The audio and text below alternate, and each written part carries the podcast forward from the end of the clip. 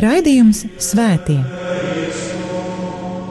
Katrā laikmetā ir dzīvojuši daudz svētie, un katrai paudzei tie ir un paliek kā dzīvās ticības liecinieki.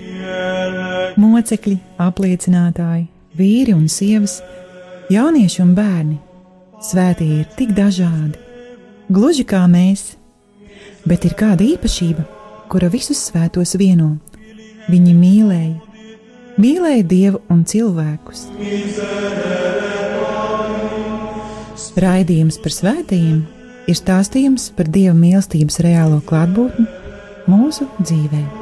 Santa Trinitas unos Deus, miserere Patris, Santa Maria, ora pro Kristus ir augšām cēlies. Cienījamie brāļi un māsas Kristu, Radījuma arī klausītāji, ētera skan raidījums par svētajiem, un pie mikrofona esmu es, Priesteris Večeslavs. Pagājušajā ceturtdienā raidījumā Svētie ietvaros izskanēja pēdējais raidījums par svētajiem palīdzētājiem, aizbildņiem, kuru palīdzību Dieva priekšā lūdz īpaši grūtajās un sarežģītajās situācijās. Starp tiem, ja atceraties, pārsvarā visi bija mocekļi. Tie, kuri savu ticību un liecību par Kristu apliecināja ar savām asinīm. Sākot ar šo raidījumu, piedāvāju iespēju kaut nedaudz un īsi iepazīties ar ārstu un slimnieku svētajiem aizbildniem. Par dažiem no viņiem visticamāk esat jau dzirdējuši vai lasījuši, Vēl daži no viņiem būs kā pārsteigums, viņi ir saistīti ar medicīnu un slimībām. Šādu aizbildņu ir daudz. Es tomēr atlasīju no šīs aizbildņu grupas atkal 14, gan veclaiku, gan jaunlaiku svētos un svētīgos. Šodien piedāvāju satikties ar svēto apustuli Jēkabu vecāko, svēto evaņģēlistu Lūkasu un svēto Džanu Beretu Molu.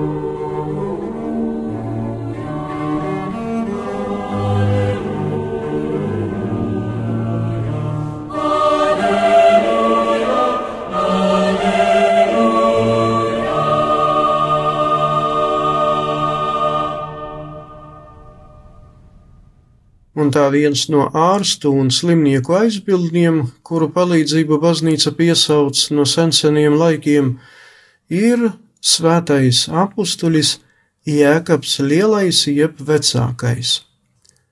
Tieši ar šo apustuli Jēkabu vecāko ir saistīta mūsu Latvijas baznīcas province, jo šim svētajam apustulim ir veltīta Rīgas arhibīskapa katedrāle. Jau 13. gadsimtā uzbūvētā Svētā Jēkaba baznīca Rīgā. Un laikam tā ir Dieva providence, ka maza daļiņa no šī svētā apustuļa relikvijām atrodas mūsu zemē, un šī svētā apustuļa aizbildniecība mums palīdz veiksmīgi cīnīties ar koronavīrusa pandēmiju. Par apakstuļu Jēkabu vecāko jau esmu stāstījis šķiet 2016. gadā. Apustulis Jēkabs, vecākais, bija cita apustuļa, apustuļa Jāņa brālis. Par to liecina evanģēlists Matejs savā evanģēlijā 4. nodaļā. Abi apustuļi bija Zebedeja dēli, abi bija zvejnieki. Abi dzīvoja Galilejas jūras jeb Tiberijas ezera krastos, visticamāk Betsaidā, un tāpat kā daudzi pārējie apstuļi, Jēkabs vecākais satikās ar Jēzu zvejojot. Abu apstuļu Jāņa un Jēkaba vecākā māti sauca par Salomi. Viņa bija viena no uzticamākajām sievietēm, kuras ar savu rocību kalpoja kungam. Par abu apstuļu paaicināšanu informāciju mēs varam atrast Svētā Mateja evaņģēlijā 4. nodaļā. Tur ir teikts, iedams, iedams tālāk, Jēzus redzēja citus divus brāļus - Jēkabu, Zebedeja dēlu un Jāni, tā brāli lāpot tīklus laivā kopā ar savu tēvu Zebedeju, un viņš tos paaicināja. Un viņi, atstājuši tūdaļ tīklus un tēvu, sekoja viņam. Apustuļu sarakstos šīs apustuļis Jēkabs vecākais ir nosaukts vienmēr kā viens no pirmajiem. Gan Matejs, gan Lūkas novieto apustuļu sarakstā Jēkabu vecāko trešajā vietā, bet evanģēlists Marks ievieto Jēkabu vecāko uzreiz pēc Pētera otrajā vietā. Arī pats Jēzus īpaši izcēla šo Jēkabu. Jēkabs vecākais bija no privileģētākajiem mācekļiem, kuri redzēja Jaira meitas uzmodināšanu no mirušajiem. Jēkabs redzēja kunga pārveidošanos, redzēja arī Jēzus ciešanas un lūkšanas Getsemanes dārzā. Pēc sava rakstura Jēkabs vecākais bija diezgan steidzīgs un karstasinīgs cilvēks. Laikam tāpēc pats Jēzus nosauca viņu tāpat kā Jāni par pērkona dēlu. Jēkabs bija arī zinātkārs. Viņš jautāja Jēzum, kad pienāks pasaules gals. Jēkabs bija liecinieks arī otrajam lielajam zivju lomam, par kuru stāsta svētais Jānis savā evangēlijā 21. nodaļā. Šis apustulis evangēlijos tiek pieminēts 18 reizes. Salīdzinājumā ar citiem apustuliem tas ir diezgan daudz. Tomēr apustuļu darbu grāmatā par Jēkabu vecāko iet runa tikai divas reizes kad tiek nosaukti visu apstuļu vārdi un kad tiek pateikts par viņa nāvi. Apstuļu darbu grāmatas 12. nodaļā ir teikts, ķēniņš Herods pielika rokas, lai mocītu dažus no baznīcas. Viņš ar zobenu nonāvēja Jēkabu Jāņa brāli. Baznīcas vēsturnieks Eusēbijs stāsta, ka Jēkabs vecākais pirms nāves noskūpstīja savu bendi, un tas atstāja tik lielu iespaidu uz viņa, ka viņš uzreiz pieņēma Kristu par savu kungu un glābēju, un arī nomira kā moceklis. Jēkabs vecākais ir viens no pirmajiem mocekļiem visā baznīcā, uzreiz pēc Stefana bet ir pirmais no apostoliem, kuri kā mocekļi sniedza savu liecību par Kristu. Viduslaikos tapa leģenda, ka pirms kļūt par pirmo Jeruzalemes bīskapu Jākaps vecākais ir pabijis Spānijā. Spānijas baznīcas vietējā tradīcija apgalvo, ka 7. gadsimtā no Jeruzalemes svētā Jēkaba vecākā relikvijas tika pārnestas un uz Santiago de Compostela. Santiago de Compostela bazilika, jeb daudzu, jo daudzu svētceļojumu galamērķis pastāv vismaz kopš 1211. gada.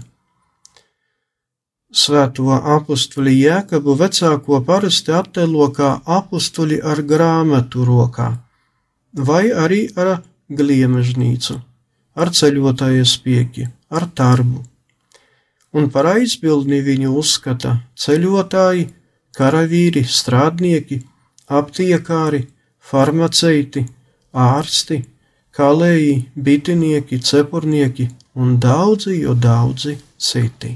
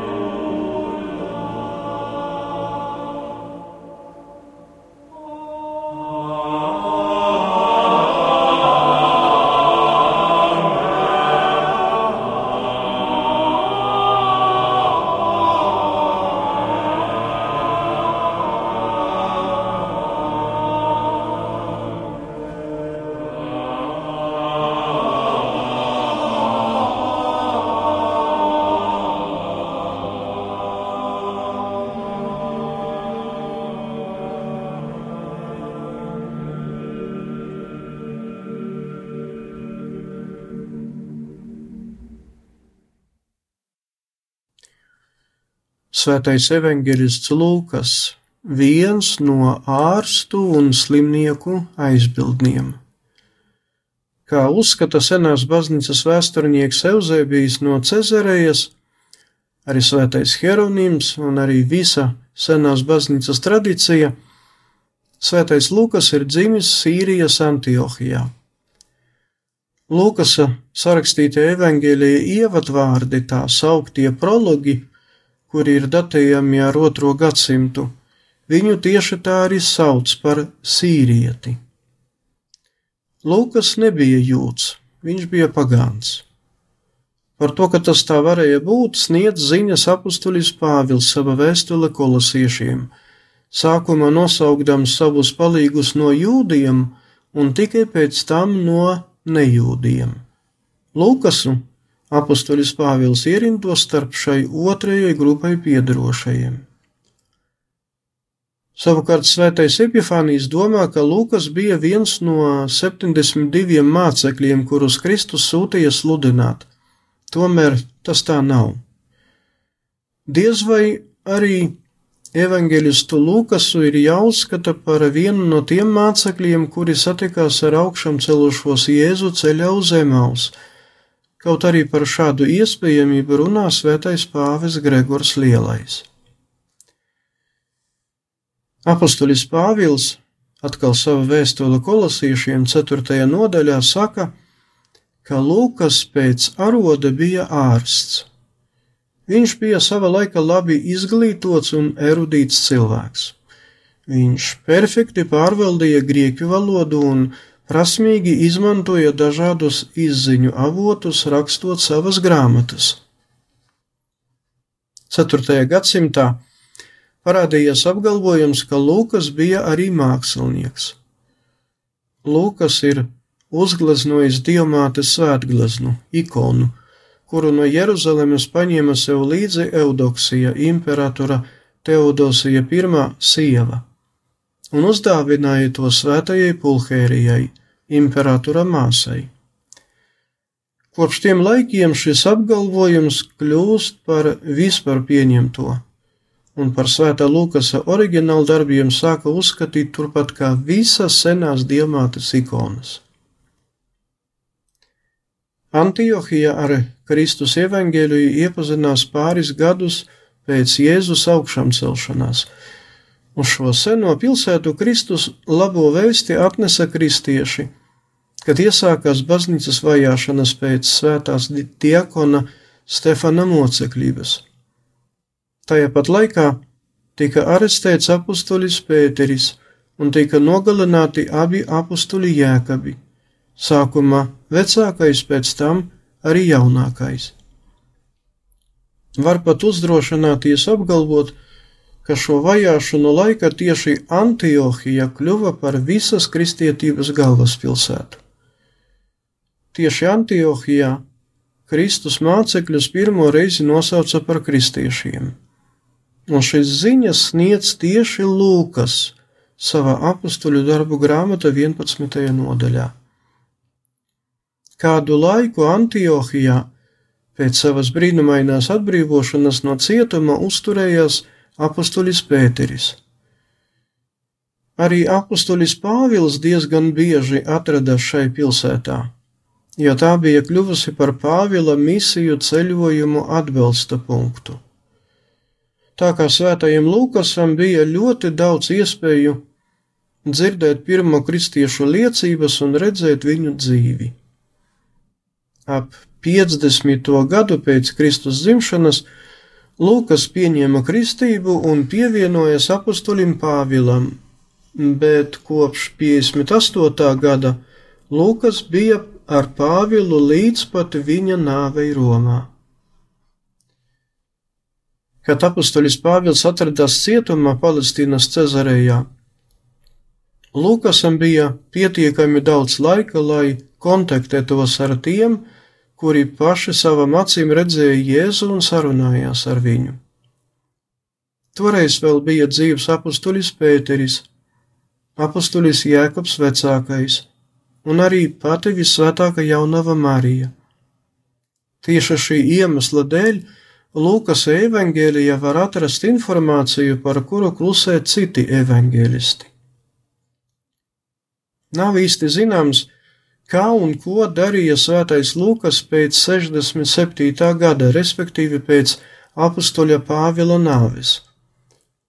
Kā iespējamās Lukasa dzīves vietas tiek minētas gan senā Ahaja, gan Maķedonija, pat Itālija un Francija. Visticamāk, Lukasu apustulis Pāvils iecēla par bīskapu vienā no Grieķijas pilsētām kāds Lūkas evaņģēlija otrajā gadsimtā tapušā ievada autors apgalvo, ka Lūkas nomira 84 gadu vecumā Beotijas reģionā Grieķijā.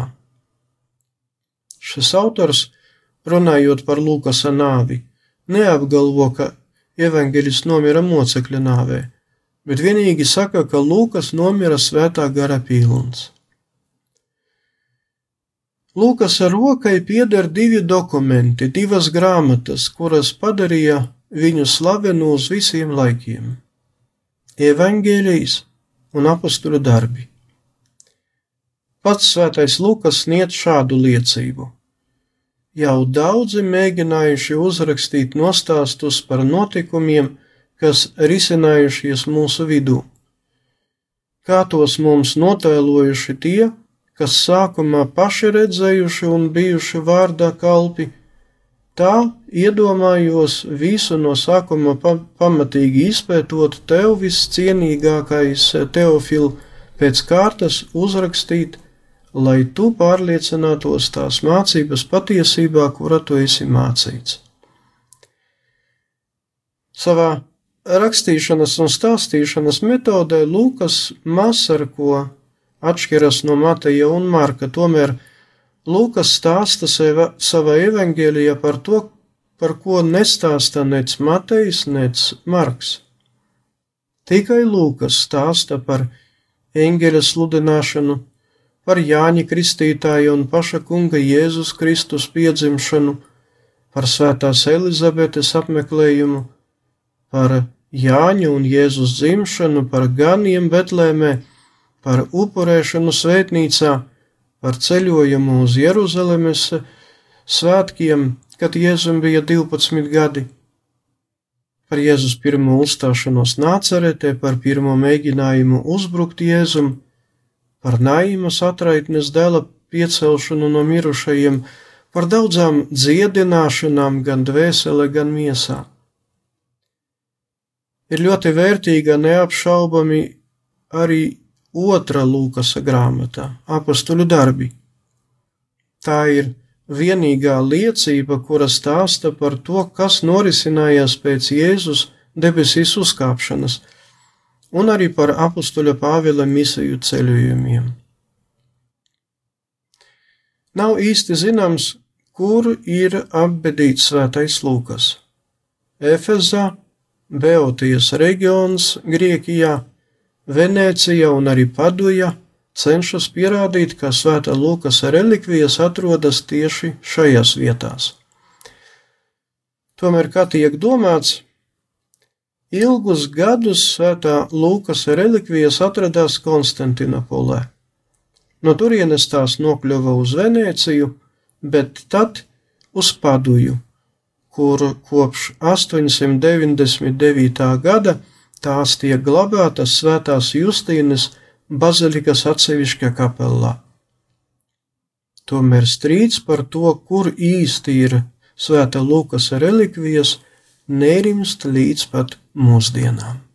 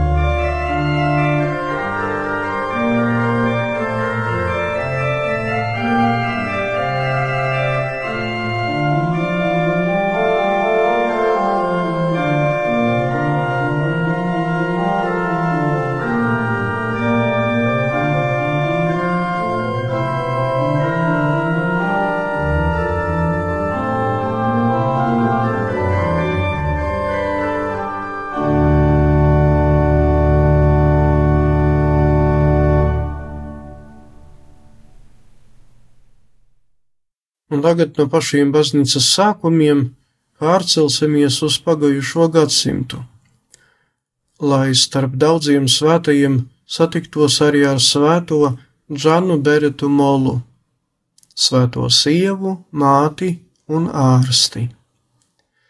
Par viņu diezgan plaši varēja izlasīt katoļu kalendārā, kuru Rīgas metropolijas kūrija izdeva 2012. gadā, vai arī interneta mājaslapā katoļus.lv.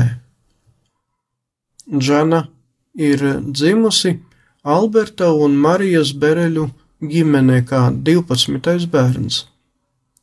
Dzimusi 1922. gada 4. oktobrī netālu no Milānas. Un ģimenē valdīja mīlestības un ticības atmosfēra. Visa liela ģimene katru dienu gāja uz baznīcu, lai piedalītos svētajā misē un kopīgi lūgtos rožu kroņa lūgšanu.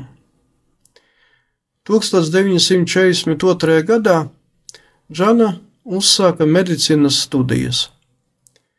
Tajā pašā 1942. gadā viens pēc otra ļoti īsā laika nomira abi viņas vecāki. Džana, studējot, vienmēr atrada laiku garīgajai dzīvei un baznīcas aktivitātēm. Viņa katehizēja meitenes.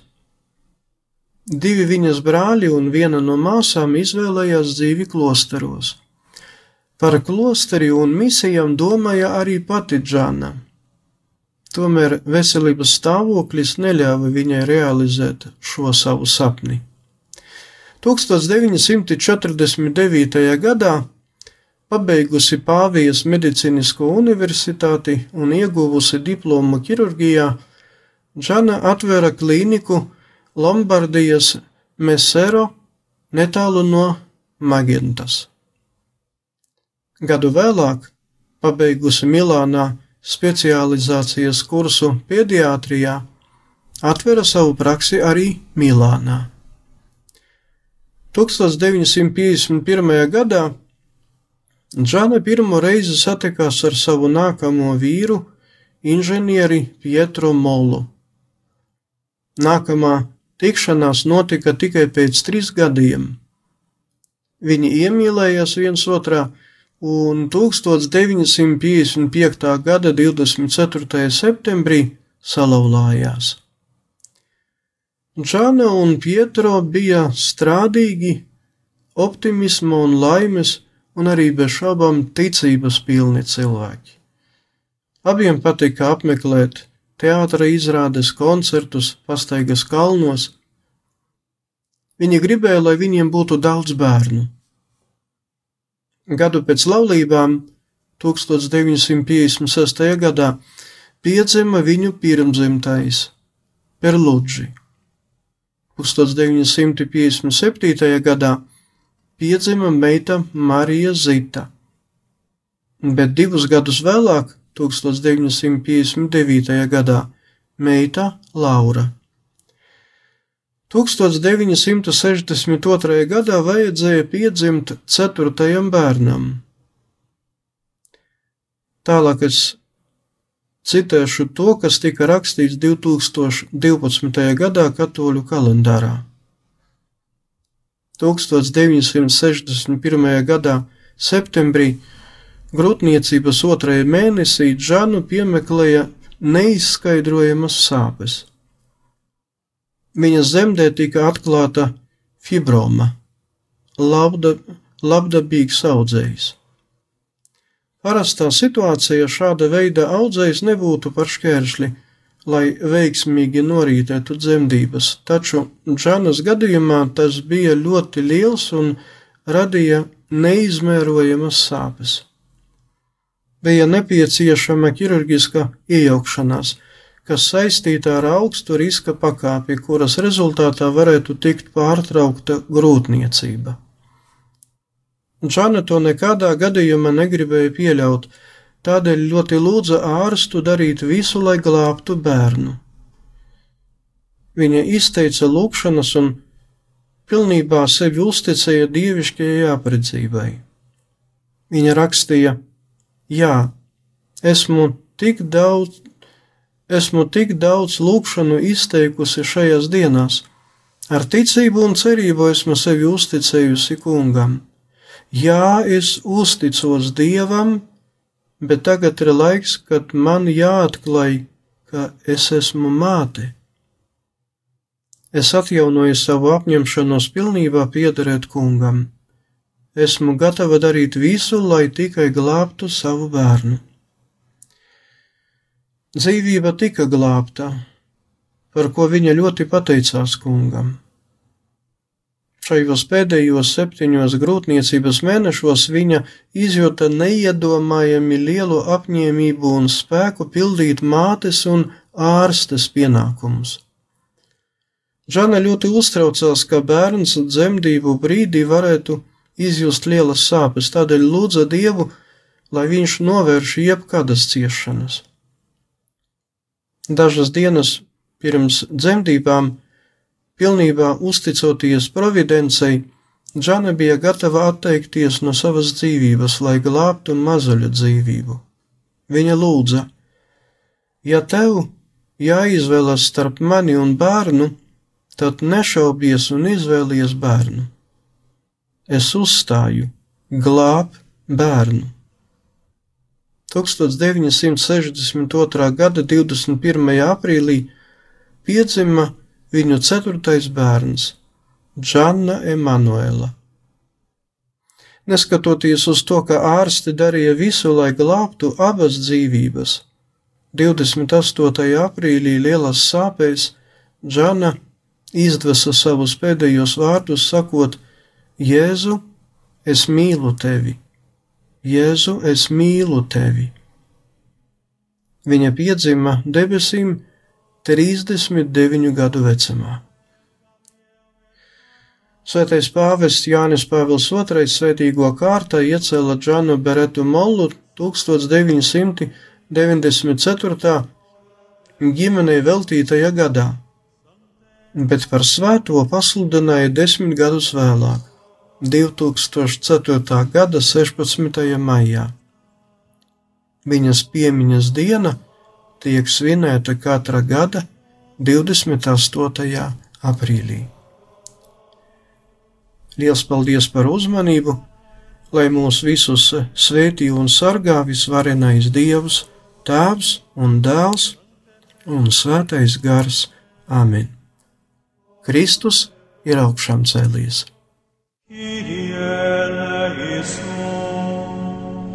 Raidījums Svētie.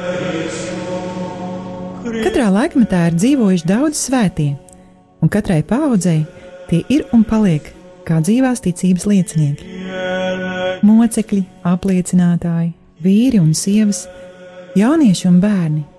Svētie ir tik dažādi, gluži kā mēs, bet ir kāda īpašība, kura visus svētos vieno. Viņi mīlēja, mīlēja Dievu un cilvēkus. Raidījums par svētījumiem ir stāstījums par Dieva mīlestības reālo klātbūtni mūsu dzīvē. Santa Trinitas unos Deus, miserere Dei, Santa Maria, ora